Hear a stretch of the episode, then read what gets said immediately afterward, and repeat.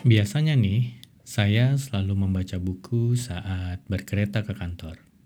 Tetapi dalam masa karantina rumah ini, waktu membaca buku saya jadi berkurang.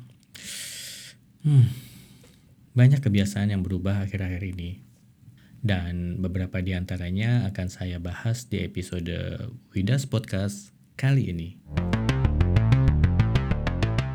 Selama masa karantina rumah ini, ada beberapa kebiasaan yang mengalami penyesuaian. Contohnya, olahraga pagi.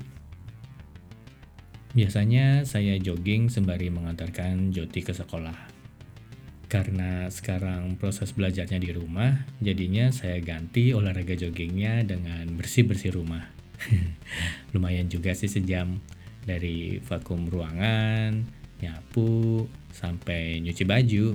Ya, meskipun nyucinya juga pakai mesin sih.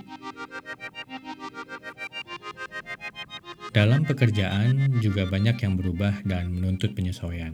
Kayak jam kerja nih.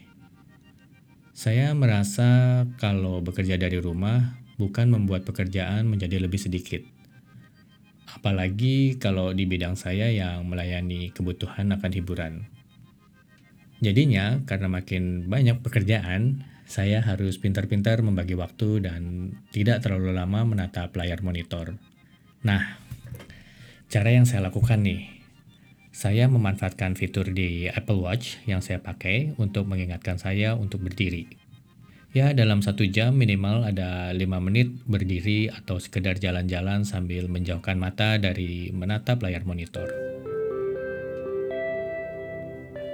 Saya juga merasa ya, selama work from home, nggak tahu kalau kamu juga ngerasa, bukan berarti uh, nggak berinteraksi dengan rekan kerja yang lain. Justru jadwal meeting virtualnya jadi makin banyak. Entah apa karena semua pada doyan meeting atau ya saya juga mungkin kesepian dan butuh teman buat ngobrol. Nah, ada satu hal yang saya pelajari nih dari banyaknya meeting virtual yang uh, dilakukan akhir-akhir ini pastikan nih sebelum meeting sudah ada agenda yang akan dibahas. Jadi nggak cuma ngobrol ngalor ngidul aja.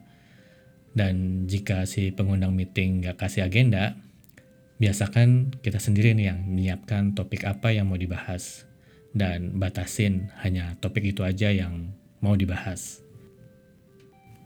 Nah, satu hal lagi nih uh, yang saya pelajarin dengan banyaknya meeting virtual yang uh, saya lakukan, yaitu untuk lebih banyak mendengar. Soalnya kan kalau meeting virtual kadang-kadang kita nggak bisa tuh lihat lawan bicara kita ekspresinya kayak gimana. Jadi kita nggak tahu apakah dia udah selesai ngomong atau apakah dia butuh tanggapan. Nah, nggak jarang banget jadinya kita saling interupsi saat lagi ada yang bicara. Dan itu kan gak enak banget kan kalau saling interupsi. Nah, mendingan dengerin dulu sampai selesai, dan baru kita bicara kalau dikasih waktu. Perubahan dari rutinitas sebelumnya memang nggak bisa dihindarin. Semoga saja membawa dampak yang baik dan terus dapat dipertahankan. Sampai jumpa di episode Widas Podcast berikutnya.